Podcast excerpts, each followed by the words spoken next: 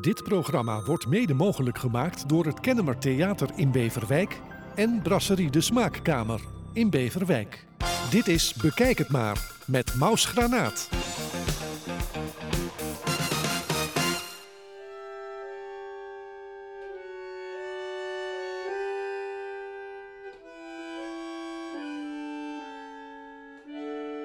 Welkom lieve mensen bij weer een nieuwe podcast van Bekijk het maar. Vandaag gaan we ons min of meer begeven in de Zuid-Amerikaanse landen, met name Argentinië. En we gaan het ook vooral hebben over uh, de Zuid-Amerikaanse muziek en met name over de bandoneon. Weet u al wat of nog niet? Uh, niet te verwarren met de melodion of de accordeon. Dat zijn misschien soortgelijke instrumenten, maar met een totaal ander geluid. In Nederland is er slechts één man die dit instrument zo goed kon bespelen dat hij er zelfs inmiddels meerdere keren voor het Koninklijk Huis heeft mogen spelen.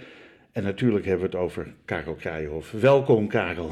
Ja, hallo Maus, fijn hier te zijn. Wat uh, fijn dat je er bent. Uh, eigenlijk mijn eerste vraag is, hoe gaat het met jou? Hoe gaat het met je gezin, met je vrouw? Ja, ik geloof dat het allemaal heel goed gaat. Oh, dat geloof je? Ja, nou ja, het is wisselend hè, want ik heb natuurlijk net, uh, uh, was ik weer volop op tournee en opeens wordt weer alles voor de zoveelste keer stilgelegd. Ja. En, en ja, ik, merk wel, daar moet ik toch wel een beetje mee over, over nadenken wat het met mij doet. Want wat je wordt heen en weer, nou, ik word heen en weer geslingerd. Ja. Van de uh, ene keer zit ik, ben ik aan het reizen door het hele land en ontmoet ik allemaal mensen en speel ik voor publiek en ben ik met mijn muzikanten samen. Ja wat één grote uitwisseling van muziek en, en, en natuurlijk uh, gesprekken is. En opeens zit ik weer alleen thuis en ja, ben ik weer op een andere manier met muziek bezig. Uh, wat, wat doe je als je thuis bent met muziek? Nou, dan ben ik natuurlijk heel veel aan het studeren, aan het uh, nieuwe muziek aan het ontdekken die ik op bandoneon kan spelen. nieuwe repertoires bedenken, nieuwe theaterprogramma's. het, het belangrijkste is denk ik het spelen en, en, en componeren. Ja, Um, je hebt uh, ook uh, je hebt twee kinderen, een tweeling. Ja. Inmiddels zijn ze 23? 23 en ze ja. zijn al een paar jaar uit huis. Oh, dus ja, jullie, dus ze wonen in Amsterdam. Jullie hebben geen last van het lege nest-syndroom? Nou, een beetje wel. ik een beetje meer dan Teerza, denk ik. Want uh, mijn vrouw Teerza heeft natuurlijk een geweldige carrière inmiddels opgebouwd als life coach. He, dus die is 25 jaar mijn manager geweest. Ja. Maar heeft altijd die droom gehad om te gaan coachen. En uh, inmiddels heb ik dus in Stefan Staal een geweldige nieuwe manager gevonden. Dus uh, ja, dat is een heel bijzonder moment geweest uh, voor Teers en mij om, om zeg maar qua Om jou werk, los te laten. Ja, om uit elkaar ja. te gaan qua, ja. qua werk. En ja, het is toch heel, heel fijn gegaan. We voelen ons er allebei heerlijk in. En, en op wat voor manier coach? Heeft, heeft ze een eigen bedrijf of is ze in dienst van een bedrijf? Ja, ze heeft een eigen bedrijf. Uh, en daarnaast werkt ze voor familiezaken in. En die, die, die begeleiden dus bedrijven in de transitie naar de volgende generatie. En ze werkt op het IM College uh, in Amsterdam-Noord. En dat is een school voor jonge ondernemers. Leuk. Dus er is een docententeam en er zijn drie coaches. En missen het, uh, het managerschap van jou, van jou? Of? Nee, het managen missen ze niet, maar wel de muziek soms. En, en samen naar concerten gaan en, en reizen. Ja, ja, dat, nou, ja. ja. En reis je nu met Stefan Staal? Of, uh, nou, er wordt niet zoveel nee, gereisd op dit moment. moment. Nee, nee kijk, woont natuurlijk met mij, maar Stefan woont aan de andere kant van Nederland. Dus ja. uh, nee, dat is niet hetzelfde natuurlijk. Je zei je zoons wonen in, in Amsterdam op dit moment. Ja, studeren ze? Of, ja, ze studeren allebei. Uh, mijn ene zoon Jelle heeft net zijn bachelor gehaald. Voor? Voor commerciële economie heel bijzonder. Uh, uh, hij was bezig met e-mobility. Dus de, de markt in Duitsland verkennen voor een e-mobility bedrijf. Oké, okay. en je andere zoon? En mijn andere zoon Kim, die is uh, hard bezig. Die hoopt in februari zijn bachelor te halen. En ik heb net, hij, heeft, hij werkt nu bij, loopt stage bij een bedrijf en die zijn een app aan het ontwikkelen voor tennis. En wel voor de Spaanse competitie daar, de Spaanse tennisverenigingen. Je hebt natuurlijk een een, een, een koninklijke uh, vereniging van tennis in, in Spanje. In Spanje ja. En omdat ik natuurlijk goed Spaans beheers, heeft hij mij gevraagd om een hele enquête die hij heeft opgesteld in het Spaans te vertalen. Dat heb je even gedaan? Nou ja, niet eventjes, maar eh, het is heel leuk om, eh, om dat met hem samen te doen. Maar het is leuk dat dat kan in deze tijd, omdat de muziek natuurlijk wat Ja, minder is. Ja, En dat je je zoon op die manier terzijde kan ja staan. dat is hartstikke leuk altijd, Ja. tuurlijk. Ja. Ehm, nou, eh, op dit moment is het dus geen optredens, niet bij elkaar komen, theaters dicht. Kortom, alles is weer in het honderd gelopen. Ook- ja, ik heb wel één lichtpuntje. Aanstaande zaterdag in Zaandam kunnen we een matinee spelen van 100 jaar Piazzolla. Dus Oh, dat gaat wel door. Oh, dat gaat wel Ja. door. Ja. als de mensen dit horen, is dat matinee alweer lang geweest, maar dat, dat geeft niet. Ehm, uiteindelijk, Karel, was het 3 oktober zover en ik ben zo blij dat ik erbij was. Toen je met de première 100 jaar Piazzolla in het Ja. De La Mar in Ja. Amsterdam Ja, stond. Ja. Ehm, en nu weer alle theaters dicht. Wat, wat ontzettend jammer. Ja, het- ja, het vermoeiende is wel, denk ik, voor veel artiesten. Dan worden hun optredens wederom uitgesteld. Dan leef je daar naartoe en je bereidt alles voor. En dan wordt het weer uitgesteld. En weer. En dat, dat is gewoon lastig. Daar, daar moet je toch... Maar het lijkt me ook moeilijk om, om, om die drive weer op te pakken. Ja, ja, weer met z'n allen bij elkaar van jongens, we gaan er weer voor. ja, Ik denk wel dat iedereen de zin heeft, want iedereen wil natuurlijk graag spelen. precies. Ja, Ja, ik, ik moet altijd een beetje ook eh, denken aan John Cleese. In die, in die film Clockwise, dan probeert hij op een, eh, een conferentie van leraar te gaan spelen, maar, eh, te spreken. Wordt hij uitgenodigd om daar die vergadering toe te spreken. Maar de, reis naar, daar naartoe is een ramp. Hij mist zijn trein, eh, ze proberen met een auto daarheen te komen, alles gaat mis. Op een gegeven moment zit hij aan de, eh, in de, aan de rand van de, van de weg, zit hij in de berm. Eh, en dan toch lijkt, stopt er weer een auto. En dan heeft hij de mooie woorden: It's not the despair. I can stand the despair. It's the hope. Met andere woorden, de hoop is soms ook wat je afmat. ja. Want dan hoop je dat het toch weer doorgaat. En op het laatste moment, nee, toch niet. En, Ja. dan, en dan krijg je weer, die hoop zit er gelukkig in, in, in de meeste mensen, zit die sterk verankerd. Maar die kan je ook soms een beetje eh, vermoeien. Morgen is er weer een persco, zoals het heet.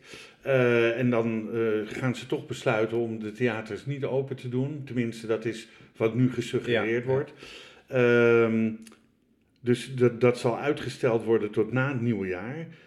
Hoe frustrerend is dat voor jullie? Want ja, je hebt natuurlijk je pianist eh, Juan Pablo de Bal, je violist Bert Vos, eh, jij op de bandoneon en er was er nog iemand? Jaan Brandenhorst op de contrabas. Op de contrabas, ja. Dus ja, weer, weer niks. Weer, eh, kunnen jullie wat? Je zegt ah, toevallig dat je zaterdag dan een, een matinee-voorstelling hebt. Maar kunnen voorstellingen niet meer naar matinee eh, verplaatst worden? Dat zou natuurlijk heel mooi zijn, maar dat hangt ook weer van de theaters af of zij in staat zijn financieel om alleen matinees te brengen. Ja, om zoveel mensen te krijgen dat het rendabel is Ja, om ze moeten ook hun personeel natuurlijk weer betalen. Ja. Maar ik, ik begrijp wel inmiddels dat de overheid bezig is met compensatie, wat we, wat we tot nu toe niet gehad hebben voor de optredens. Zo'n TOZO-uitkering. Nee, het is niet TOZO, maar het is een, een compensatie voor gemiste eh, optredens. Die dus, die dus afgelast werden Ja. of verplaatst werden. Ja. En dat is natuurlijk erg belangrijk voor alle artiesten. Ja, dat dat er komt. Want eh, wij zitten natuurlijk al, al vele van ons zitten twee jaar, hè, de ZZP'ers en dergelijke, zitten, zitten al een paar jaar eh, eigenlijk eh, zonder, zonder inkomen. En, Zijn je zoons ook muzikaal? Ja, mijn zoons die spelen piano en gitaar. Allebei. Nee, de ene piano en de andere gitaar. Oké, Ja, ja, dat is allebei piano en gitaar, Ja. maar de een ze speelt zijn piano. allebei piano wel begonnen vroeger. Ja, ja. Maar ook zo muzikaal dat ze talented zijn, their father. Nou, maar ze, hebben niet het doel om, om professioneel muzikant te worden. Ze Nee. willen gewoon echt als hobby lekker eh, thuis spelen en voor vrienden. Eh, maar dan eh, meer de populaire muziek in... in Ja, popliedjes, ja, van alles. Ja. Mijn, mijn, mijn eh, zoon eh, Jelle heeft nog eh, bij de uitvaart van zijn oma heeft hij nog heel mooi Blackbird gespeeld van, van Paul McCartney. Ja. En ook bij gezongen. Dat was heel, heel mooi. Wauw. En, en mijn zoon Maar hij zingt, hij zingt dus. Ja, ja en hij heeft zingt, een mooie, speelt stem. Kan jij zingen? Ja, ik heb ooit wel gezongen, maar ik ben zo instrumentaal gericht. En bij die bandoneon om dan ook nog te zingen, dat is, lijkt me heel ingewikkeld. Dus je zou niet jezelf kunnen begeleiden? Theoretisch wel, maar dan moet je daar natuurlijk heel erg op richten. Hè? Moet je daar al je energie aan, aan besteden ook. Want ja, ik heb daar straks nog wel een, nog wel een paar Ja. vragen over. Was het gezin Kraaienhof waar jij uitkomt eh, ook een muzikaal gezin? Ehm, ten dele, mijn vader had vroeger viool- en pianoles gehad. Mijn moeder had eigenlijk nooit muziekles gehad. Ehm, maar toen mijn broer en ik muziekles wilden, toen heeft mijn moeder bijvoorbeeld met mij samen pianoles genomen. Oh ja. Ook om mij te stimuleren. En mijn broer had gitaarles. Ja, en dat was heel bijzonder. Er was een, een mevrouw in ons dorp, in eh Aalst-Wouwen, mevrouw Nommel. En die gaf eigenlijk, haar, haar hoofdvak was eigenlijk viool en, en, en strijkinstrumenten. Altviool, cello, contrabas gaf ze zelfs. Maar ze heeft mijn broer toen gitaarles gegeven en mij pianoles. Dat is grappig. Ja, die was, die was En dat was in Waalre nog, waar jij, eh, ja. waar jij van, daar, Ja. die, je hoort overigens geen Brabants accent bij Nee, jou. want mijn beide ouders, eh, mijn vader is inmiddels overleden, maar eh, allebei Amsterdammers. Allebei, ah. Ja, mijn moeder woont nog steeds in, eh, in Aalst. In Ja, een echte Amster- Amsterdamse tongval hoor ik ook, Ook bij Nee, je. nee, maar dit, nou, daar heb ik wel vaak meegemaakt. Ik, heb- Oh. ik heb toen heel lang in Amsterdam gewoond. Hè. Ja, verzelf. Eh, Van, nou, wel 23 jaar geloof ik. 23 jaar. Zo. Ja. Ehm, eigenlijk ben je op achtjarige leeftijd dus begonnen met piano spelen. Ja. Was dat bij die mevrouw al? ja, dat was eerst bij mevrouw Nommel. Ja, toen heb ik nog een, twee andere leraren gehad. Ehm, en ik zat ook in schoolbandjes en zo. Ik speelde ook ragtime van Scott Joplin. Ja, ja. ja. en klassieke muziek. Ehm, en mijn lerares wou eigenlijk dat ik naar het conservatorium ging, maar ik wou eh, studeren in Amsterdam. Dus uiteindelijk ben ik filosofie gaan studeren. Natuurlijk. Ben je Aan ook de- afgestudeerd filosoof? Nee, nee, eigenlijk na kandidaats eh, ben ik helemaal de muziek ingegaan. Want het is, als ik het goed gelezen heb, eh, of is het jouw broer Jaap geweest die jou aangespoord heeft van jongen, ga eens op zo'n bandoneon spelen? Nee, nee, dat was geen een, bandoneon. eh, het was een, eh, even Een trekharmonica. Ja, maar, maar dat heet Melodion. Melodion. Melodion Ja, ja. Melodion. Ja, ja, ja. ja. ja. Die, die was helemaal gek van, eh, nog steeds trouwens. Een soort trekzak is dat. Ja, ja. ja. Mijn broer is helemaal gek van Ierse, Schotse, Engelse volksmuziek. Folk, hè, noemen ze dat. Folk, ja. En eh, ik kon mijn piano niet meenemen naar Amsterdam. Dus toen zei mijn broer van waarom koop je geen trekharmonica? Nou, Hè? Dus dat heb ik toen gedaan. Dat kon je ook gewoon kopen in de winkel. Zo'n zo'n ho- tweeërij, zo'n honertje. En eh, daar ben ik op begonnen. En dan begon ik plaatjes, eh, begon ik de, de muziek van na te spelen. En later in Engeland heb ik nog een concertina gekocht. Dat is zo'n zeshoekig trekkendingetje Ja, zo'n- met een ballig. eh, ja. Heel, heel, heel mooi. Wat je wel eens bij clowntjes ziet. Ja, Dat, ja, eh, ja. Maar dit zijn Soms hele op die hele kleine... Ja, ja, ja. Maar ze zijn helemaal van zwart leer met metalen uiteinden. Een prachtig instrument Ja. is het eigenlijk, van Wheatstone. Eh, dus dat ben ik toen, heb ik mezelf allemaal geleerd. En ik miste natuurlijk wel het bereik van een piano. Hè? Het grote bereik qua lage, hoge noten. Ja. Eh, en dat vond ik dus terug bij een gitarist die eh, voor mij een LP opzette van een bandoneonspeler uit Argentinië. Ja. En Eh, toen, dat was voor jou de eerste Ja, keer dat voor- je... dat- toen hoorde ik de bandoneon voor het eerst in zijn eentje. Want het waren solo-arrangementen voor één bandoneon. En toen, eh, ja, toen voelde ik echt gelijk een soort bliksemschicht door me heen schieten van... Dit is wat ik de rest van mijn leven wil doen. Meen wil je dat? Ja, echt ja, zo. Want je had met je broer ook nog het duo Korte Metten Ja, opgericht. ja, maar mijn broer was inmiddels, en dan praat ik eh, over 1980, die was eh, naar Northumberland verhuisd. Want hij wou gitaarbouwer worden. Hij studeerde Oh. bij een, een bouwer daar, werd hij zijn assistent. En dat is in Engeland of Ja, Ierland? dat is op de grens van Schotland en Engeland. Ja. Eh, dat, is, eh, dat was bij, nou, ja, zeg maar, Newcastle in die buurt, Hexham.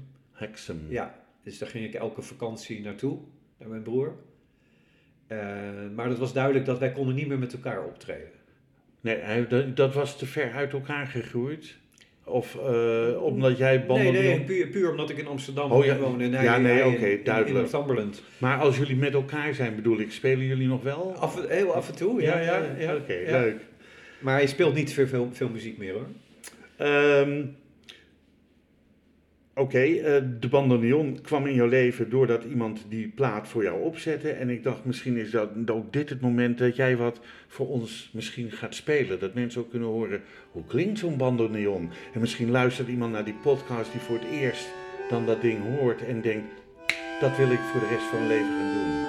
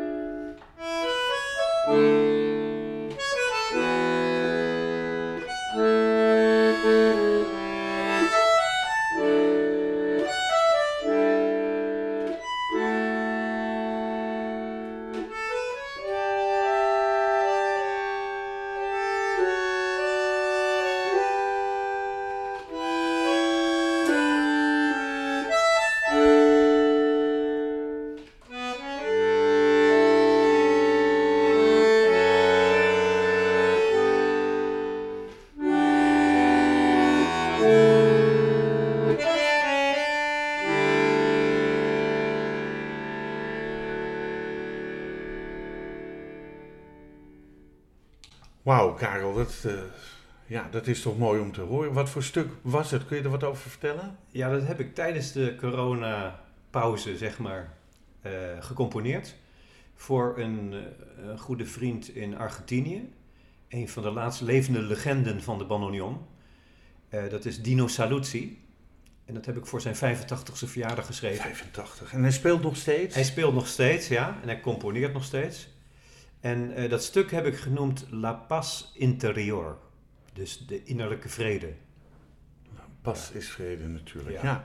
Oké, okay, um, uh, tijdens je voorstelling... Uh, nee, wat, ik wil ook even, even weten, want ik, iedereen vraagt daar steeds naar, maar daar wil ik gewoon niet te lang bij blijven stilstaan. Was je zonder 2-2-2002 net zo beroemd geweest als dat je nu bent? Of zeg je van dat is wel het moment geweest wat mij een boost heeft gegeven? Absoluut. Ja. Dat heeft mij in Nederland natuurlijk op de kaart gezet. Ja. En uh, het mooiste waar ik nog altijd heel dankbaar voor ben, is dat uh, mensen via dat moment de kracht hebben uh, ontdekt van en de ontroering van Argentijnse tango-muziek. Ja. En ook het instrument bandoneon hebben ze toen ontdekt. Ja. En dat vind ik heel leuk om te merken, dat mensen een band hebben gekregen met dat instrument, wat in Nederland natuurlijk helemaal niet uh, bekend was. Helemaal niet. Uh, kom, word je wel eens gevraagd nog door het koninklijk paar om op een soirée of uh, weet ik veel, een, een dinertje wat ze hebben, mm. van kun je een half uurtje komen spelen? Of? Nee, dat gebeurt eigenlijk bij niet. Nee. Nee, maar soms dan, dan uh, is het paar wel aanwezig bij een, een optreden waar ik aan, aan, aan meedoe. Ja. Bijvoorbeeld bij het Nationaal Ballet. Een paar keer meegemaakt bij de Vijf Tango's van die door Hans van Manen zijn gechoreografeerd. Oh ja, ja, ja, Vijf tangos van Piazzolla. Ja. da- daar eh, heb ik ze inderdaad ontmoet. En, eh, En dan praat je onlangs- gewoon met ze. En dan Ja, is- ja, dat is heel leuk weerzien. ja. Want de- onze ontmoeting markeert natuurlijk een belangrijk moment in hun leven. Hè? De- Zeker. Die bruiloft. En- 20 en- jaar geleden ja, alweer, hè, en- volgend jaar. En niet zo lang geleden heb ik gespeeld natuurlijk bij de verjaardag van Maxima in Carré toen. oh, toen ze 50 werd. Ja, Ja. en toen heb ik eh, met Juan Pablo de Bal gespeeld en een eh, jonge cellist. Eh, en dat was erg, eh, erg leuk. Dat Ja. erg leuk. Ja. Dus je ziet ze af en toe nog wel, Ja, maar als ze een soirée geven, dan, dan ben je er niet bij. ja, goed, zo, ja, dat zou zomaar kunnen. Tijdens je, ver- je voorstelling 100 jaar Piazzolla vertel je dat, de, dat je door hem gevraagd bent om in zijn orkest te spelen of in te vallen. Nee, nee, hij had eh, muziek geschreven voor eh, een nieuwe tango musical, kan je zeggen. Dus op, op, eh, er was een, een Argentijnse choreografe in New York, Daniela Gracielle. En die heeft met de organisatie INTAR voor Zuid-Amerikaanse kunst, hadden ze een, een voorstelling gecreëerd rond het leven van de schrijver Jorge Luis Borges. Of liever gezegd, ze portretteerde Buenos Aires anno 1900. En de schrijver Borges is dan verteller in, in, een, in, een, in, die, in, dat, in dat oude Buenos Aires. En vertelt over het ontstaan van de tango. En daar deden dus een aantal acteurs aan mee, eh, zangers, eh, muzikanten. En eh, ik was natuurlijk een van dat quintet wat Piazzolla daar samenstelde.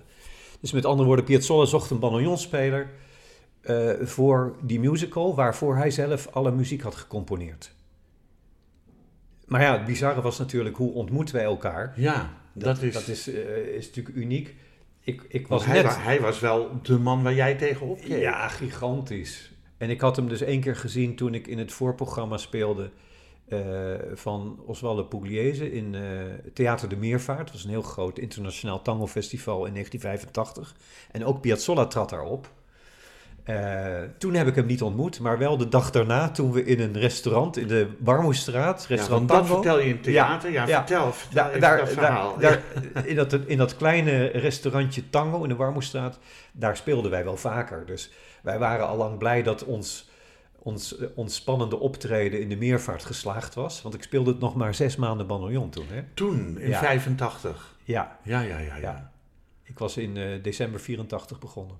Je, je zei eh, dus straks van, to- toen je die trekzak ging spelen, miste je het bereik van hoog en laag wat je hebt op een piano. Mis je dat ook bij een bandoneon? Nee, bandoneon heeft een enorm bereik. Want het vult hier de hele ruimte. Ja, ja. dat is... Ja, het heeft een enorm bereik en het is volledig chromatisch. Dus alle halve noten zitten erop. Eh, nee, dus het, het was echt de totale droom die waar, eh, waarheid werd. Oké. Maar je speelde een spelen. half jaar speelde je. Ja, ja nou moet ik zeggen eigenlijk een jaar, want ik speelde echt dag en nacht. Ik was Oh. helemaal gegrepen door het instrument. En eh, toen speelden we dus in dat restaurant in de Warmoestraat. En tot onze grote verbazing zien we opeens aan een tafeltje Astor Piazzolla zitten met zijn hele quintet. Dus dat was wel heel spannend. Toen ging er een scheut door je heen. Ja, ja, ja. ja. Dus dat was de eerste keer dat ik hem eh, van zo nabij meemaakte. En, maar twee jaar later, toen ik al mijn eerste Argentinië-reis had gedaan, toen eh, zei mijn moeder, eh, op, hè, van, zullen we voor mijn verjaardag naar Piazzolla gaan kijken? Want die treedt in Eindhoven op. Dus wij naar dat concert. En toen zag ik dat die bandoneon van Piazzolla kapot was. Dus er zit een hele lange ballig aan. Ja. En die gaat normalerwijs heel langzaam open en heel langzaam dicht. Hè, puur doordat je dus eh, knoppen indrukt, gaat er een klepje open, gaat lucht doorheen, gaat een tongetje trillen. Zo ontstaat het geluid van de bandoneon. Maar dat ging razendsnel opeens. Die ballig die ging veel te snel open en veel te snel dicht. Dus ik dacht, oh, er zit een lek in die ballig. En dat bleek later de luchtklep te zijn die, die dat moet tegenhouden. In ieder geval, dus, dus hij- Piazzolla had een groot probleem. En tot mijn stomme verbazing kon hij toch dat hele optreden uitspelen. Dus moet je een fabelachtige techniek voor hebben. ja, want je moet dan veel, wa- want je verliest heel veel lucht Verliest lucht, ja. als, als, als Ja. daar een lek zit. Ja, Dus dan moet je dat op een bepaalde manier kunnen compenseren. precies. Ja, Ja. ja. Maar in ieder geval, zijn manager was daar en die kende mij. Want ik was natuurlijk een van de weinige Nederlanders die, die bandoneon speelde op dat moment. En die zei, kan jij alsjeblieft morgen naar het hotel in Amsterdam komen om jouw instrument uit te lenen aan Piazzolla? Dus eh, ik de volgende dag naar Amsterdam. Bleek dat hij daar al... zei je, nee, ik moet zelf spelen. Nee, ja, nou, dat was natuurlijk eh, een droom om hem Ja, persoonlijk te ontmoeten en met hem van gedachten te wisselen ook over, over muziek en over de bandoneon. ja. Dus ik daarheen. En net dat ik mijn bandoneon aan hem wil laten zien, blijkt dat er al een reparateur is geweest. Dus zijn bandoneon was al helemaal weer in orde. Eh, Maar hij was natuurlijk ook, eh, hij dacht van wat, een, een, een- Hollandse jongen die bandoneon speelt. Dus hij zei, eh, ga zitten jongen en speel wat voor me. Dus ja, ik, ik moet ook zeggen, ik was net in Argentinië geweest. Hè, en dat was alsof ik op een andere planeet stapte. Want daar deed iedereen aan muziek. En doet iedereen nog steeds aan muziek. ja. Dus, dus ook, ook de slager op de hoek, die, eh, die pakt zijn gitaar en die zingt een tango voor je. En snap je, iedereen doet eraan. Dus ik was daar een beetje mijn Hollandse gêne kwijtgeraakt. Van muziek daar betekent gewoon, eh, pak je instrument en we gaan lekker aan de Ga gang. spelen. Ja, ja. Dus eh, ik speelde voor hem een, een, een tango, waarvan ik de muziek net ontdekt had in, eh, in Uruguay was ik geweest. In Montevideo, de andere tango-hoofdstad. Hoofdstad van Uruguay. Ja, ja, En daar had ik een tango op een rommelmarkt ge- gekocht, een blad muziek. En die speelde ik voor hem. En het was een heel mooi arrangement van, een, eh, van de belangrijkste arrangeur voor bandoneon solo, Maximo Mori. Mhm. De tango was De Laatste Roes, La Ultima Cura, van Troilo, een grote idool en, en vriend van Piazzolla. Dus dat speelde ik voor hem. En zijn ogen stonden echt op steeltjes. Hij viel er helemaal stil van. En toen ik klaar was, toen zei hij van... eh, hoe, eh, hoe is dat mogelijk? Van, eh, jij bent Hollander en je speelt zo bandoneon? En, en waar heb je dat, dat arrangement vandaan wat jij speelt? Want dat hebben we al jaren niet meer in Buenos Aires. Ja, ja. Dus ik zei... Dus nou, je hebt hem verrast. ja, ik heb hem enorm verrast. Ja. Nou, het gevolg was dat hij eh, op een gegeven moment tegen mij zei van... ben, ik ben perplex, eh, ik ga jou uitnodigen. En toen liep hij weg. Toen kwam zijn, giet, zijn, eh, zijn pianist en zijn violist, die kwamen naar me toe en zeiden... Pas op, hè, dat zegt hij niet zomaar tegen iedereen.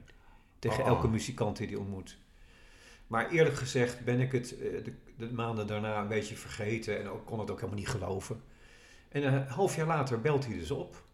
Een huisgenoot zegt er. Maar hij belt op. Hallo, meneer Kraaienhof met Piazzolla? ja.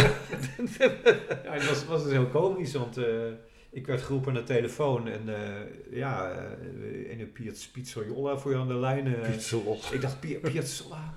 Van, het is alsof je trompet speelt en Miles Davis belt op. Ja, ja, ja. Eh, Weet je, dat, dat, die grootte heeft het eigenlijk in de bandoneonwereld. Ja. Dus nee, eh, ja, Piazzolla hier, Karel, eh, como estás? Hè? Hoe gaat het met je? En ik, heb, ik heb werk voor je in New York. En daar kon ik dus drie maanden aan de gang. Eerst ben ik naar Parijs gegaan om Piazzolla te ontmoeten. Kreeg ik een grote envelop met muziek in mijn handen gedrukt. Oh, met geld dacht ik, maar dat Nee, nee, nee, nee, nee. nee.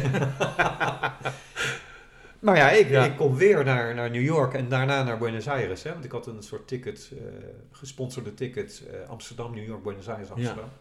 Dus, dus eh, ik heb daar drie maanden toe gespeeld in een off-Broadway theater. Wat leuk. Met een quintet wat hij had samengesteld. Met een paar mensen van zijn Ja. vroegere quintet. Terwijl, terwijl hij zelf op tournee was in de Verenigde Staten. En na afloop hadden we, we hadden natuurlijk een, op cassettebandje hadden we de voorstelling opgenomen. Dat- wou hij graag horen. Ging Dus, zo. dus het ging zo van, eh, kan je naar mijn buitenhuis in Uruguay komen, in Punta del Este, eh, en mij die, dat bandje brengen. Dus toen ben ik daarna naar hem toegegaan, eh Naar hem thuis. naar hem thuis, ja. Ja, Dat was de eerste keer dat je hem op privéterrein ontmoette. ja, Ja. ja, ja.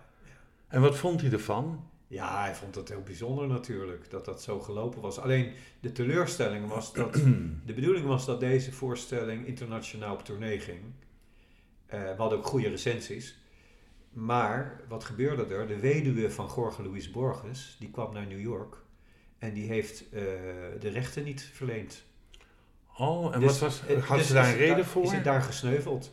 Nou, ze vond dus dat... Kijk, die, die, die- het begin van de tango vond plaats eh, in schimmige locaties in eh, danspaleizen... die een soort verkapte eh, huizen van plezier waren. Wat zeg je dat netjes? Bordelen. Dus, dus met andere woorden, eh, zij vond het, het niet kunnen om de figuur van de beroemde schrijver Borges te plaatsen in de ansenering van Buenos Aires rond 1900 in een bordeel. Ja. Dat was één punt van kritiek. En de andere was, er was een, een lied dat heette La Intrusa, de, de, eh, de indringster. Eh, en dat ging over eh, twee broers die eigenlijk een soort choreografisch gevecht hadden, een dans, om dezelfde vrouw waar ze verliefd op waren. En die dans van die twee broers associeerde zij met homoseksualiteit. Dus, Ja. dus kortom, eh, Intar, die, die, die, die culturele organisatie, kreeg niet de rechten die nodig waren Van die weduwe. ja, om, eh, om het voor te zetten. Dus met kerstmis in 87, ik, ik was daar in eind augustus heen gereisd, eh weer iets van drie maanden gespeeld. Acht optredens per week, hè. Papa, ja. Dat was fantastisch. Maar na drie maanden met kerst eh, was het einde verhaal. Maar ehm, eh, tenminste, zo heb ik het begrepen uit je theatervoorstelling, is het ook zo dat Piazzolla nogal een, een, controversiële eh, persoonlijkheid had en dingen wilde veranderen en een beetje naar zijn hand wilde zetten. Ja, het bijzondere van Piazzolla was, hij was geboren in Mar del Plata, eh 500 kilometer onder Buenos Aires. Maar zijn ouders, en het was ook een crisistijd, zijn ouders die dachten wij moeten, eh, moeten er een andere plek vinden om, om aan onze, ons, ons geld te komen. We moeten een betere toekomst zoeken. Net als de, overigens de eh, grootvader van Piazzolla heeft gedaan. Hè? Want het was een Italiaanse emigrant uit Zuid-Italië. En die is Ja. naar Argentinië gegaan om zijn geluk te beproeven. En zo is de vader van Piazzolla Vicente, die is eh, met zijn gezin naar eh, New York gegaan. Dus Piazzolla heeft zijn tiener, zijn, nou zijn jeugd eigenlijk, tot zijn zestiende, heeft hij in New York doorgebracht. En ook goed Engels leren spreken natuurlijk. Ja, Ja. maar hij was ook een beetje een straatschoffie. Hè? Hij Ja. zat in een gang en eh, hij hield van jazz. Hè? Hij ging naar Cap Calloway, Duke Ellington, Count Basie met zijn vriendjes. Maar zijn vader, die natuurlijk eh, heel erg tango-liefhebber was en fan van Carlos Gardel, die vond opeens in Brooklyn, in een etalage, zag hij van een, in tweedehands winkel, zag hij een bandoneon staan. Dus die heeft hij aan zijn zoon gegeven. Ik wil dat jij bandoneon gaat spelen. Terwijl Astor daar zelf niks mee had. Want, want eh, hij vond het maar niks. Die melancholische muziek waar zijn vader eh, elke avond zwijmelend naar luisterde eh, en, en heimwee had naar Argentinië. Maar hij heeft het toch gedaan. Ja, hij werd, Uiteindelijk. hij werd gedwongen. Hij werd gedwongen. Tot het moment dat hij, dat hij een bovenbuurman had. En dat bleek een leerling te zijn van Gagamaninoff. Dus hij hoorde pianomuziek uit een openstaand raam. En opeens was hij geraakt. En het was muziek van Bach die gespeeld werd. En toen heeft hij les gekregen van deze pianist. En toen opeens werd zijn liefde voor muziek getriggerd. En hij, eh, hij was een wonderkind op de bandoneon al. Ja, wat gaaf. In die Ja. mate zelfs dat de beroemde tangozanger Carlos Gardel kwam naar New York. En het was de kleine Piazzolla die hem ging begeleiden. De toen, ja, want hij was van 1921 of zo, Ja. eh, Piazzolla. Ja. Ja. En in 92 is hij overleden. Hij is dus maar 71 jaar geworden, niet Ja. oud. Ja, En eh, is hij ziek geworden? Eh, zijn je- hart. Zijn hart. Zijn hart. Ja. Eh, wanneer heb jij hem voor het laatst live gezien, gesproken? Ik vermoed in 1990. Dus je hebt hem eigenlijk maar vijf jaar gekend. Ja, Ja. Maar het is wel van levensbelang geworden voor jou. dat heeft, te maken met de enorme waarde ook die Piazzolla had op zoveel niveaus. Hè, als bandoneonspeler, hij was een virtuoze bandoneonspeler. Maar ook een creator. Hè. Hij arrangeerde geweldig. Hij componeerde fantastisch. En hij eh, heeft net als... Kijk, Leonard Bernstein zeg ik altijd... die heeft Caraïbische muziek verbonden aan jazz en klassiek... Ja. in zijn beroemde oeuvre West Side Story... wat nu weer zo in de belangstelling staat... Hè, door de film van Spielberg. Eh, maar Piazzolla heeft eenzelfde soort fusie gecreëerd... tussen eh tango-muziek uit Argentinië... eh, jazz en klassieke muziek. Ja. En dat komt omdat hij dus in New York zoveel tijd heeft doorgebracht in zijn jeugd. Met dus toen hij in Buenos Aires, en Ja. al die andere... dus toen hij in Buenos Aires terechtkwam, in de tango, hij speelde al snel in het beroemdste orkest van, van Buenos Aires, van Aníbal Troilo. Toen merkten zijn collega's van, dit is een rare snuiter uit New York, die speelt allemaal andere muziek dan wij op die Ja, bandoneon. Ja, ja. En dat vonden ze ook maar niks. Want tango was een soort Ze hebben hem heftige een religie. ook. Ja, ja, want, want ja. Hij, hij ging naar jazzclubs en hij ging naar Teatro Colon om klassieke muziek te, te luisteren. En dat vonden ze allemaal niks. Maar Piazzolla die ging eh, klassieke muziek studeren, compositie studeren bij eh, Alberto Ginastera, een van de beroemdste dirigenten op dat moment van Argentinië. Dus Piazzolla wou zich ontwikkelen. En zoals je weet is hij later ook terechtgekomen bij Nadia Boulanger in Parijs. Hij kreeg een beurs om daar te studeren. Ja. En het was Nadia Boulanger die zei: Nee, Astor, je moet geen klassiek componist worden. Jouw grote waarde, jouw ziel ligt in de tango. En toen is hij dus die prachtige fusie gaan maken. Eh, klassieke muziek, jazz en tango in één. En dat noemde hij Tango Nuevo, de nieuwe tango. En, en dat is, eh, ja, eh, je, je hoort ook een soort universeel gevoel wat er uit die muziek spreekt. Hè? En is eh, Adios Nonino, om dat ook nog maar even aan te halen, wat je speelde voor Maxima en Alexander. kan je dat ook zeggen dat dat een tanga, tango nuevo is? Ja, zeker. Ja. Ja, ja, dat is een, een van zijn eerste tango's van die tijd. Hè. Die heeft hij uiteraard geschreven toen zijn vader overleed. Ja. Was een hommage aan zijn vader, die hem de bandoneon in zijn leven had gebracht. Ehm, en die tango kenmerkt zich inderdaad al door nieuwe elementen die daarvoor niet in de tango zaten. Eh, een hele heftige ritmische kant, een hele melancholische kant, eh, met prachtige harmonieën. Dus die tango is een mijlpaal geweest. En. Piazzolla heeft altijd gezegd, dat stuk heb ik geschreven in misschien een half uur. Hè, dat heeft hij geschreven op het moment dat hij een telefoontje uit Buenos Aires kreeg van je vader is overleden. Hij zegt, het, ik heb het veel geprobeerd daarna, maar het is me nooit meer gelukt om zo'n goed stuk te schrijven. Wauw. Over muziek schrijven gesproken. Jij, je, je vertelde straks dat je een, een stuk gecomponeerd had voor de 85-jarige bent zijn naam kwijt. Dino Saluzzi. Dino Ja. Saluzzi, Ja. hoe kon ik het vergeten? Ehm, maar je, je, je hebt wel meer eh, muziek gecomponeerd voor, eh, voor personen. Ik kan me een, een verhaal herinneren waar je het over had over Frida. Ja. Eh, ik vind het wel mooi als je, als je dat eh, in een nutshell kan vertellen. Anders wordt het misschien te lang. Maar ik vind, het, ik vind het wel een heel mooi verhaal. Vertel even het verhaal van Frida. ja En het stuk wat je voor haar... Ja, ja, ja, gecomponeerd Frida, hebt. ja, Frida Menko heb ik ontmoet via violist Bert Vos, met wie ik natuurlijk al heel erg veel jaren eh, muziek maak en die ook in mijn nieuwe kwartet zit, hè, van Ja. 100 jaar Piazzolla. En Bert zijn moeder was Ida Vos, eh, kinderboekenschrijfster. Heeft ook ondergedoken gezeten tijdens de oorlog en daar gaan ook eh, haar boeken vaak over. Ehm, en de beste vriendin van Ida was Frida, Frida Menko. En Frida had een hele bijzondere geschiedenis, want die heeft voor de Tweede Wereldoorlog woonde ze in Amsterdam, in, in Zuid. En een van haar vriendinnetjes was eh, Anne Frank. En beide families hebben helaas hetzelfde meegemaakt, zijn verraden op een onderduikadres, zijn in Westerbork eh, terechtgekomen en vandaar naar Auschwitz. In het concentratiekamp. Ja, Ja. en Frida en haar moeder hebben het wonderbaarlijk eh, ge- genoeg overleefd. En zijn teruggekeerd naar Amsterdam. Uiteindelijk is haar moeder iets van 91 geworden. Wow. En onlangs, Frida is ook op die, heeft die, die leeftijd bereikt. En toen is ze overleden. Ja. ja. Maar jij hebt een stuk voor haar gemaakt. Ik heb een, Dat- een- ja, ik, ik, ik, kwam- ik, ik- via Bert raakte ik in contact met Frida en ik ging af en toe bij haar koffie drinken. En ze vertelde maar haar, eh, van haar levensverhaal. En ze heeft natuurlijk na de oorlog eh, heeft ze ontzettend veel gewerkt als journaliste. En ze heeft zoveel zalen met kinderen ook toegesproken. Eh, want het belangrijkste natuurlijk van het hele verhaal is... we moeten zorgen dat dat nooit meer ever ooit gebeurt. Wat er toen gebeurd is. Die manier van discriminatie die leidt tot zulke excessen. Dat moet ten koste van alles voorkomen worden. ja. En zij heeft haar hele leven ingezet daarvoor.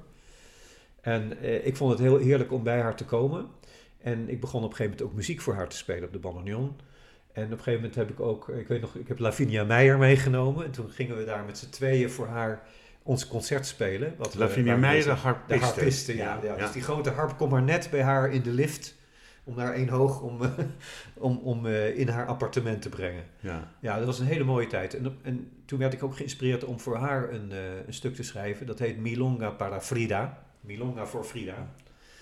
En ja, dat heb ik toen bij haar thuis voor haar gespeeld. En daar werd ze diep door ontroerd. Ja, dat is heel mooi. Maar het, mooie daarvan vond ik ook toen, je, toen, toen ze zei van wat gebeurt mij? Want sinds de Tweede Wereldoorlog, de bevrijding Ja, ja. eh, uit de Tweede Wereldoorlog, heb ik nooit meer gehuild. Ja, ja, ze zei het belangrijke moment dat ik me herinner dat ik moest huilen.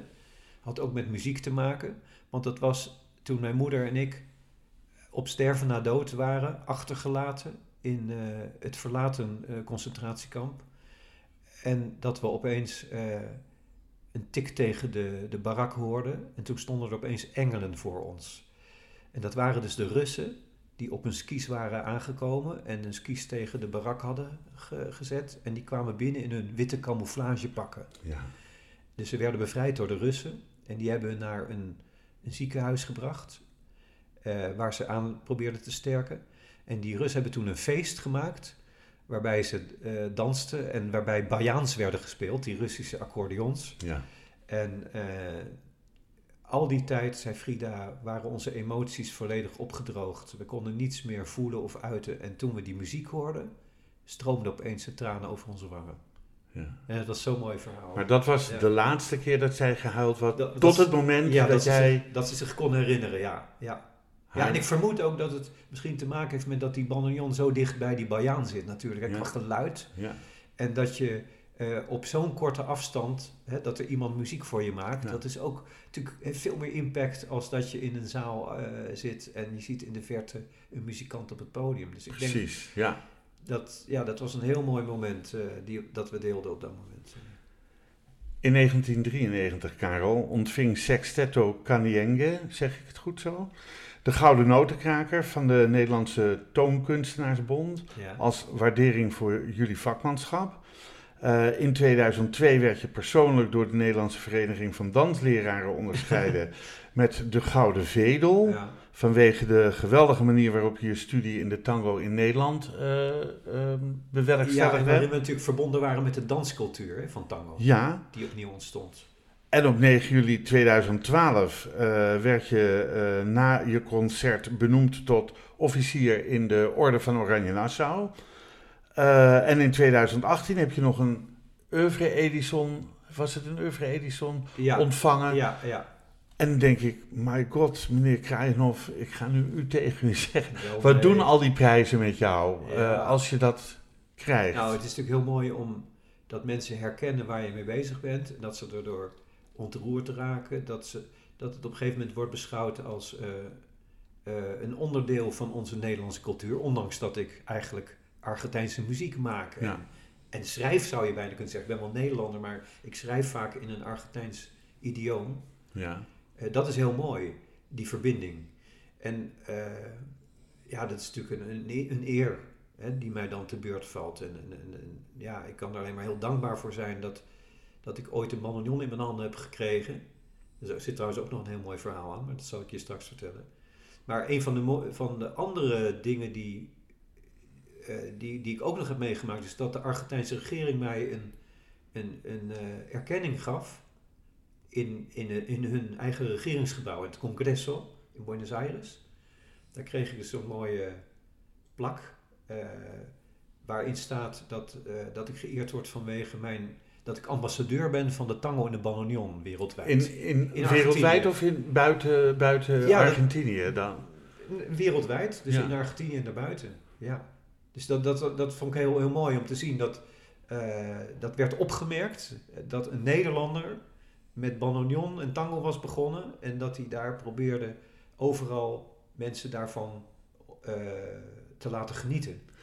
Maar Argentinië kent jou ook. Ik bedoel, Ja. eh, mensen, kun je wel normaal tussen aanhalingstekens Tuurlijk. over straat wandelen? Ja, natuurlijk. Ja, ja. Ja. ja. Ehm, het is natuurlijk geen, geen, eh, eh, geen mainstream cultuur, hè, tango. Die Nee. is, is, is eigenlijk enorm verspreid over de hele wereld. Eh, het, het, het emigreren zit ook de Argentijnen in hun bloed. Dus overal zie je Argentijnse tango-gemeenschapjes. in grote steden overal in de wereld. Maar het is natuurlijk kleinschalig. ja, Maar heel want het is, je beperkt je altijd tot een, tot een kleiner publiek dan zeg maar de, de reguliere popmuziek en dat Zeker. soort dingen. Ja. ja. Ehm, ik vind het tijd over, over, om weer wat muziek te maken. Heb je er zin in? Ja, leuk. Nou, pak, pak die bandoneon. Ja,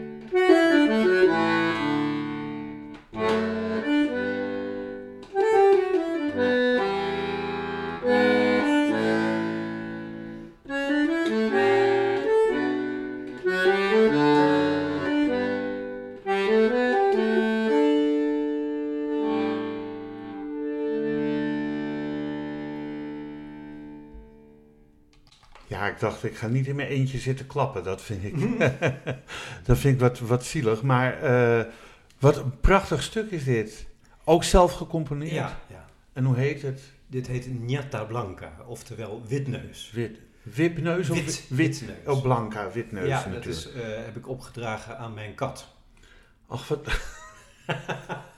wat vond ze ervan? Ja, dat was een kat die kwam aanlopen, maar die arme stakker die had in een val gezeten, in een klem. Ach, Dus die eh, had één pootje wat erbij bungelde. Dus dat pootje moest geamputeerd worden door de dierenarts.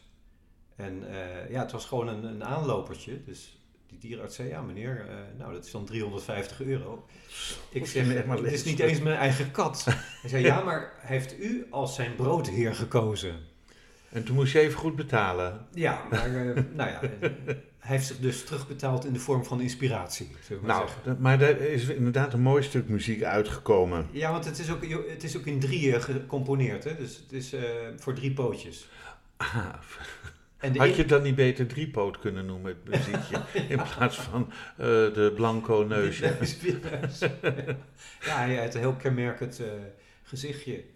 En het, het gekke is, onlangs hebben dus, want hij is inmiddels overleden alweer, Oh. een paar jaar geleden. Oké, Eh, maar nummer 2 heeft zich aangekondigd. Het leek werkelijk de spitting image van de vorige kast. Dus jullie hebben oh, echt Witneus spitting. 2 hebben we dus nu. Ja, hij ziet er net als Charlie Chaplin uit. Hij heeft keurige witte handschoentjes en eh, ook witte sokjes. Oh ja. En een wit neusje. Dus, En de eh, rest is zwart. En het grappige is, deze kat die bij me is aankomen lopen, die was eigenlijk weggelopen bij een boerderij. eh, waar die niet eh wou aarden. Want daar woonde hij eigenlijk buiten. Hè? Dus, dus was voor de, voor, de, voor de muizenvanger, zeg maar. Maar dit was eigenlijk een soort huiskat. En toen, later heb ik de, de boerin nog gesproken bij wie die weggelopen was. En die zei, ja, eh, ik heb hem eigenlijk eh, op Marktplaats gevonden. Eh, dus hij Oh. komt eigenlijk uit Hoorn. Hij is dus inderdaad gewoon bij mensen thuis geboren. In een woonhuis. Dus vandaar dat hij waarschijnlijk... Toch meer een huiskat ja, is dan een uh, maar ze wist mij te jager. vertellen dat hij Karel was genoemd. Karel. Ja, En hij heet nu Witne, Witne, Witneus. Witneusje Ja, 2. want het wordt toch ingewikkeld met twee Karels in huis. Oh ja, twee Karels. Ja. Oh, ja, ik had het nog niet in de gaten. Maar het grappige is, mijn, mijn broer Jaap, die in Groningen Ja. woont, die ging dus eh, na dat eh, beroemde huwelijk van Willem-Alexander Maxima, hè, de bruiloft, Ja. eh, op 2-2-2002, een, een, een een paar weken daarna ging hij naar zijn dierenarts in Groningen om medicijnen te halen voor zijn kat. En die heette Sim. Simon. Eh, dus hij komt aan eh, en hij zegt, eh, goedemorgen, ik kom de medicijnen halen voor Siem Kraaienhof. Waarop de dierenarts zegt, nou, u bedoelt Karel Kraaienhof. Nee, zegt mijn broer, dat is mijn broer die eh, op de bruiloft heeft gespeeld van Willem-Alexander Maxima. Oh, zegt die dierenarts, maar we, we hebben hier een kat eh, en die heet Karel Kraaienhof. Nee, toch? Dus, dus iemand had zijn kat naar me genoemd. nou, dat is toch leuk om Dus- te weten. Ja, en nu heb ik dus Karel in huis wonen. Je hebt geen brug die naar je vernoemd nog, of een straat of een plein, maar nou, je hebt wel van een... alles wel hoor. Ook al een, eh, wat was het? Al wel? Ja, een paar bloemen. Ja. Een, eh, Een tulp misschien? Nee, ik, goh, ik kom er even niet op. Ik heb een keer een lelie gedoopt. Die heet Adios Nonino. Een lelie. Ja, le- ja, een lelie. Ja, oh ja. En wat is het nou wat er naar mij... Een, noemen ze... ik ben het echt even kwijt welke, wat voor bloem het was. In de Beemster. In de Beemster. Ja. Oké. Misschien kom je er nog op. Wat Ja. ik bedacht, of bedacht, eh, misschien heb jij het zelf al lang bedacht. Ik denk, nou, om de bandoneon misschien wat meer populariteit te geven dan dat hij op dit moment heeft, is het ook mogelijk om popmuziek op je bandoneon te spelen. De bedoeling niet de. Beatles, maar gewoon een stukje Lady Gaga of weet ik, ik noem maar wat, eh, een dwarsstraat op. Van alles, ja. Dat kan. Ja, want je hebt ook wel met iemand samengespeeld. eh, ik weet, nou weet ik niet meer met wie, schiet me niet zo gauw te binnen. Dat ik dacht van waarom gaat hij niet een, een beetje ook om, die, om dat instrument te promoten? Want er zijn niet zoveel mensen die dat spelen, zeker niet in Nederland. Ja. En eh, zeker niet op het niveau waarop jij het doet. Ja, nou, ik heb met heel veel popartiesten samengewerkt. Hè? Met, met Bluff heb ik veel Op gedaan. met Bluff heb je, ja. met, dat- met Mar- Marco Borsato heb ik ge- Ja. gewerkt. Met Treintje Oosterhuis. eh, met Sting zelfs.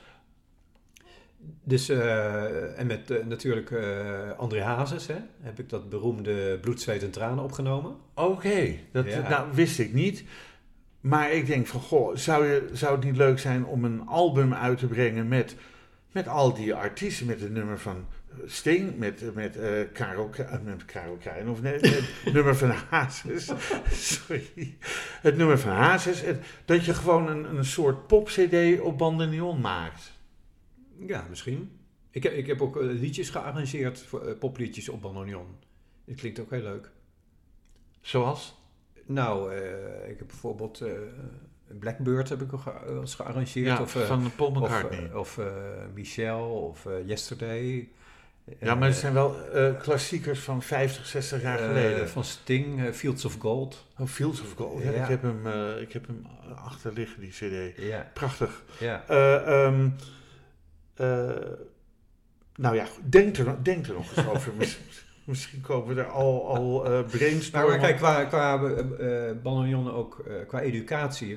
ik heb natuurlijk in 1993 samen met Leo Vervelde, mijn maat van Successto Kanjengen, Ja. hebben we in Rotterdam op de Wereldmuziekafdeling een, een, een vakgroep Argentijnse tango opgericht. Hè? Oké. Dus daar zijn al iets van 25 banjonspelers eh afgestudeerd. En een heleboel pianisten en violisten en noem maar op.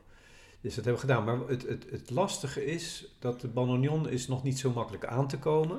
Nee, het is een moeilijk instrument, of althans niet een moeilijk, ja ook een moeilijk instrument Ja. om te bespelen, maar het, het is ook moeilijk om een, een echte bandoneon te bemachtigen. Ja, nou, tegenwoordig worden er weer gelukkig bandoneons gebouwd. Sinds de jaren 90 zou je kunnen zeggen, maar vooral nu. Dus- Daar heb jij ook een handje in gehad, hè? Een beetje, toch? Jij hebt wel bandoneons naar Argentinië gebracht. Ja, maar nou, ik, ik, dat zijn weer oude bandoneons. Oké, Kijk, want heb ik je wel eens verteld dat die bandoneon komt eigenlijk uit Duitsland ja, en is genoemd naar Heinrich Band. ja. Het was Das Bandoneon. Toen is er een hele rijke bandoneoncultuur geweest, waarin spelers vooral volksmuziek speelden. En dat was, be- bereikte zijn hoogtepunt in de jaren 30. Dus je had wel iets van 80.000 bandoneonspelers in heel Duitsland, in bandoneonverenigingen Ja. bij elkaar gekomen. Ja. Maar helaas, eh, in de in de nazi-tijd zijn, is die hele bandoneoncultuur om zeep geholpen. En dat had te maken met dat er heel veel arbeiders, communisten en joden lid waren van die bandoneonvereniging. ja. Dus die bandoneons die zijn werkelijk met bijlen in elkaar gehakt in, eh, in Bremerhaven. Hele scheepsladingen voor Buenos Aires. Eh, En de spelers zijn echt naar de concentratiekampen gebracht. Ja. En daar zijn weinigen van teruggekeerd. Dus, dus die bandoneon heeft overleefd dankzij de emigratie naar Argentinië en Uruguay.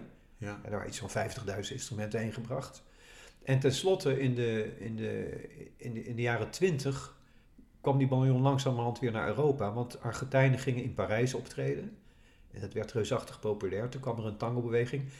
En de tweede keer dat dat gebeurd is, was in de jaren 80, toen de grote Piazzolla naar Europa kwam. En toen is er weer belangstelling ontstaan, ook in Duitsland, voor bandoneon en voor het bespelen van de bandoneon. En toen zijn er langzamerhand weer mensen gekomen die bandoneons zijn gaan bouwen. Want die hele kennis was bijna verloren gegaan. Wat ik me kan herinneren, ook een verhaal van jou. Toen was je ooit bij mij in de studio, toen ik nog bij de lokale omroep zat.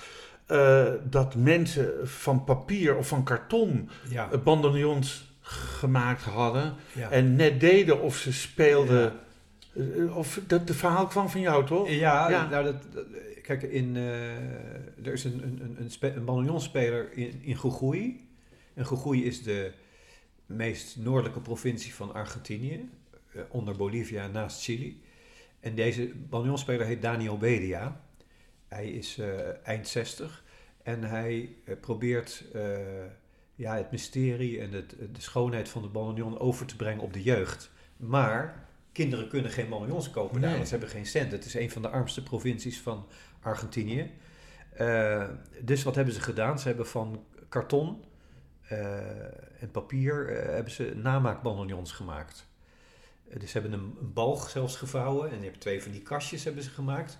En aan de zijkant hebben ze dan een A4'tje geplakt, wat ze gekopieerd hebben uit een bandoneonmethode.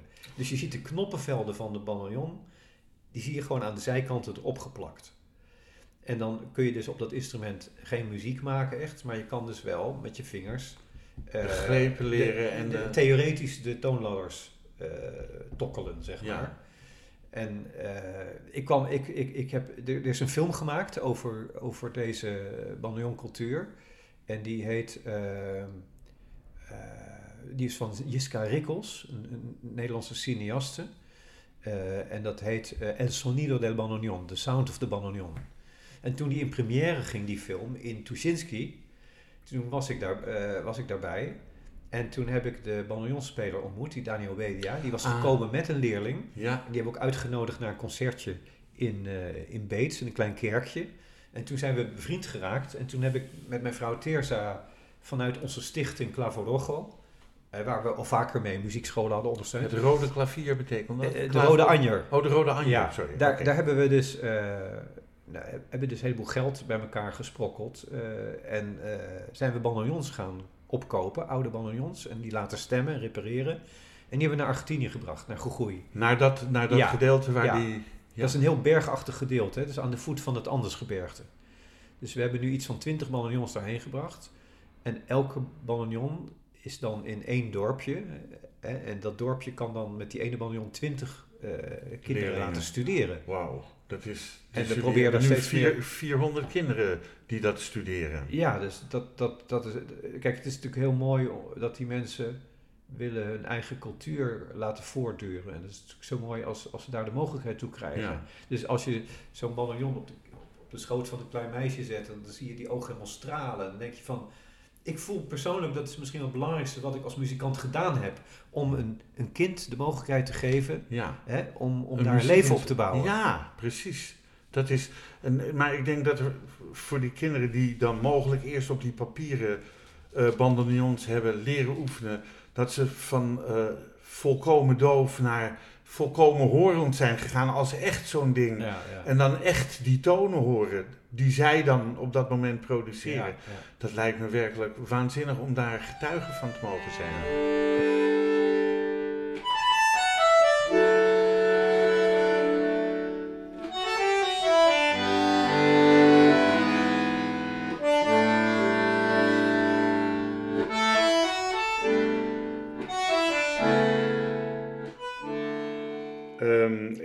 Hadden we eh, het er al even over ja, jullie tour met, met Juan Pablo de Bal, eh, Bert Vos.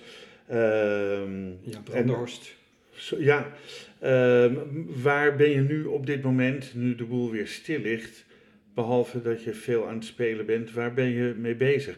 Ben je iemand die meer gaat bewegen of ben je iemand die probeert eh, eh, dingen te ontwikkelen naast je muzikale carrière om ook deze periode door te komen? Op wat voor manier ben jij bezig? En, en natuurlijk podcasts maken. Ja, nee, ik, ja, kijk, ik ben natuurlijk een enorme bezeten door, eh, door die bandoneon en door de muziek. Dus ik ben alweer met allerlei dromen bezig voor de toekomst. Ja, Eh, ik, zoals ik gisteren bijvoorbeeld, eh, was ik in Amsterdam, zag ik de Misa Criolla. Of was het, ja, was gisteren, nee, was eergisteren. Nou, ik ben een beetje, ja, ja, was eergisteren. De Misa Criolla in de Dom- Dominicuskerk. Nou ja, dan ben ik echt gegrepen weer door die, door die prachtige muziek. En ja, dan zit ik alweer met, in, in, met mijn hoofd in de wolken van ik wil een, eh, een programma maken met, eh, met die muziek. Met, Ja. met de muziek van Ario Ramirez, eh, Mercedes Sosa. Hè, die prachtige... Nou, ik speel natuurlijk al een tijd Argentijnse volksmuziek met Juan Pablo. Maar dan krijg ik ook de dromen om met, met die instrumenten te werken. Met de charango, met de gitaar, met de, met de bombo, dat percussie-instrument. wel Dus- mooi om een keer zo'n soort programma te maken. ja, ja. Die Amerikaanse of eh, Latijnse muziek, dat is wel muziek die, die je doet, die mensen pakt. ja. Ehm, eh, samen met Lavinia Meijer heb je, haar naam is al eerder gevallen in dit programma, dat haar harp niet in de lift kon of zo. Ehm, heb je het album in concert opgenomen? Hoe is de samenwerking van jou met Lavinia Meijer ontstaan en hoe ontdekten jullie dat harp en bandoneon zo mooi in harmonie zijn met elkaar? Ja, wij kwamen elkaar voortdurend tegen bij eh, eh, concerten. Dus eigenlijk dat we allebei eh, in datzelfde gebouw een optreden deden ja, ja, ja. ja. naar elkaar. Eh, en op een gegeven moment ontstond het idee van, hé, hey, eh, zullen we eens proberen eh, samen te gaan zitten en te kijken wat onze instrumenten samen doen. ja. En daar ontstond deze geweldige samenwerking uit. Hè? Het programma wat we hebben gemaakt en de cd die we hebben gemaakt. ja. En ja, ik vind het gewoon nog steeds een geweldig klankidioom ook. Hè? Die harp en die bandoneon, het is alsof het bij elkaar hoort. Zeker. Eh, het is een beetje als de, de gitaren en de bandoneon in Buenos Aires. Hè? Dat ze heel veel mengen met elkaar. Maar de harp zit er natuurlijk heel dichtbij. Ja, ik vind een harp toch wel een, een hele specifieke klank hebben. Ja. Maar dat heeft de bandoneon ook. Ja. En misschien harmonieert het daarom wel Ja. zo mooi met elkaar. ja, ik heb ook altijd nog een keer de droom om met de bandoneon Keltische muziek te gaan spelen. Oké, ja. Ja, zie je, je kan nog een hoop... Want ik heb een keer- Je bent eigenlijk net begonnen, Karel. Ja, zo voelt Ja, het. Ja, ja. Nee, ik heb toch een cd gemaakt met Ennio Morricone. Met Ennio Morricone. Heb je dat ooit gehoord? Nee. En daar, eh, eh, dat was het idee was dan bandoneon en strijkorkest en percussie. Maar aangezien hij van die hele langzame me- melodieën schrijft, eh, dacht ik van, ik wil wat variatie in de solisten. Dus ik wil, ik wil soort instrumenten waar ik een dialoog mee kan voeren. En toen heb ik een, eh, een vriend eh, gevraagd die Illenpipe speelt. Dat is die prachtige Ierse doedelzak. En low whistle, zo'n soort fluit. En eh, ja, dat is heel erg mooi geworden. Die, die combinatie tussen bandoneon en die, en die pipes, dat is echt fantastisch. Ja. En die bandoneon zit natuurlijk niet zo ver weg van het geluid van een trekharmonica of zelfs van de drone van een Illenpipes. Ja. Dus, dus, eh, en, en van het harmonium natuurlijk, hè? dan is een draagbaar harmonium. Ja. Dus je kan er ook heel mooi ballads mee begeleiden. Dat doe ik trouwens ook met, eh, met Leonie Jansen, hè? met wie ik regelmatig optreed. Die niet zo ver bij jou vandaan woont. Precies. Ja, We hebben een programma dat heet Melancholie in de polder. ja. En, en daarin begeleid ik haar ook met popliedjes. Dus heb je gitaar, bandoneon en zang. Dat is echt een Ja, het is hartstikke mooi. Ja, maar dit eh, toont natuurlijk wel ook jouw flexibiliteit als, als artiest. Maar benadrukt ook je, je ehm, aanpassingsvermogen binnen verschillende muziekgenres eigenlijk. Eh, door, doordat je zoveel, wat je net weer zegt over die Ierse muziek, wat je vertelt over Leonie Jansen. Eh, ja, ik vind dat alleen maar geweldig. Dus, dus ik, ik, ik kan alleen maar niet wachten totdat er zo'n mooi Zuid-Amerikaans programma komt. Ja. Ja, ja, kijk, muziek brengt ons overal heen. En eh, als ik, ik heb bijvoorbeeld ook een Cubaanse cd gemaakt. Als ik op Cuba ben, dan wil ik gewoon mee kunnen spelen met die mensen daar. Ja. Ik wil muziek maken. En in Ierland hetzelfde. ja. Want ik vind het zo mooi hoe die muziek op een bepaalde plek ontstaat. En vaak eh, mondeling wordt overgeleverd, zonder dat het wordt opgeschreven. En dat eh, het gewoon de, het geestelijk voedsel van een heel volk is. Hm. Dat ze het allemaal met elkaar delen, elke dag weer. In, in Buenos Aires klinkt het als tango, in, in Andalusia klinkt het als flamenco. In, in Ierland heb je hun, hun folkmuziek. Eh, ja, Fado in Portugal. Ik vind Ja. het allemaal even fascinerend Dat is, dat dat, dat is het ook. Zo, je, eind jaren negentig, dat Ry Cooder, Ja. dat project startte van de Buena Vista Prachtig. Social Club. Met, met eh, um, oh jeetje, ze zijn eh, inmiddels denk ik al lang overleden. Ibrahim Ferrer. ehm, Ja, eh, Ibrahim Ferrer, eh, eh, Ruben González, Ja, en- Omara Portuondo. Ja, nou, weet je, dat het grappig is, ik heb één keer, eh, dankzij Bluff, heb ik mogen samenspelen met Eliades Ochoa.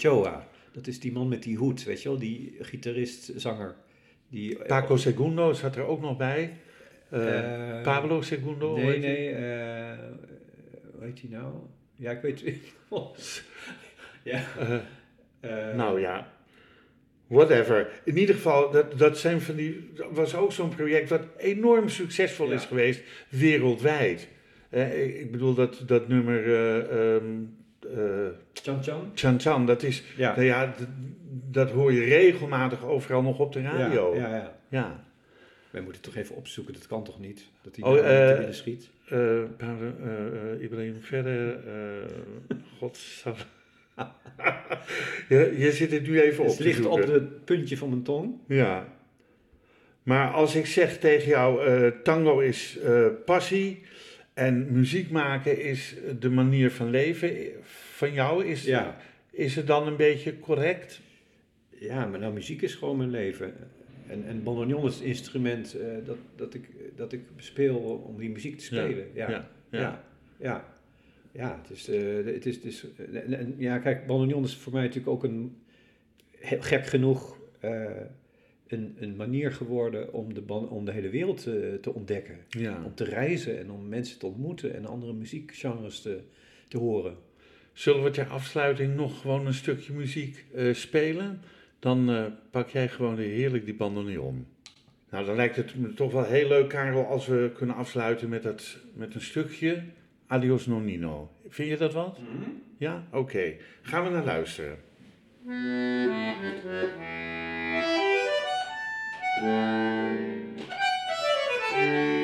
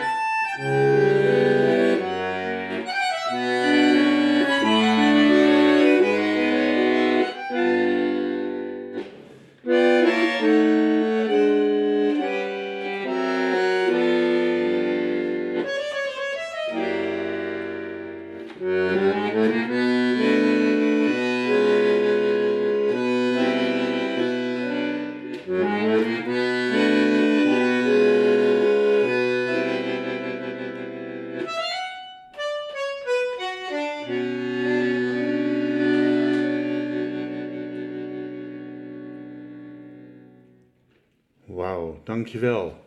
Ik wil je ook bedanken, uh, Karel, voor je komst. Ik ben uh, dankbaar voor de openheid die je hebt uh, getoond tijdens deze podcast. zijn we nog zaken vergeten of zeg je van ik wil nog wat kwijt? Nou, ik roep iedereen natuurlijk op om naar onze prachtige voorstelling 100 jaar Piazzolla te komen. Zeker, zodra, het weer, kan. ja, zodra het weer kan. Deel het op je eigen social media, uh, deze podcast. En um, uh, nou ja, goed, hij, uh, hij staat binnenkort online. ik wil nogmaals bedanken. Geef Teersa de hartelijke groeten. deze podcast wordt uitgegeven door de Vrijstaat Roots. Alles is na te lezen op www.bekijkhetmaar.com. Bedankt voor het luisteren en wat ons betreft heel graag tot de volgende podcast.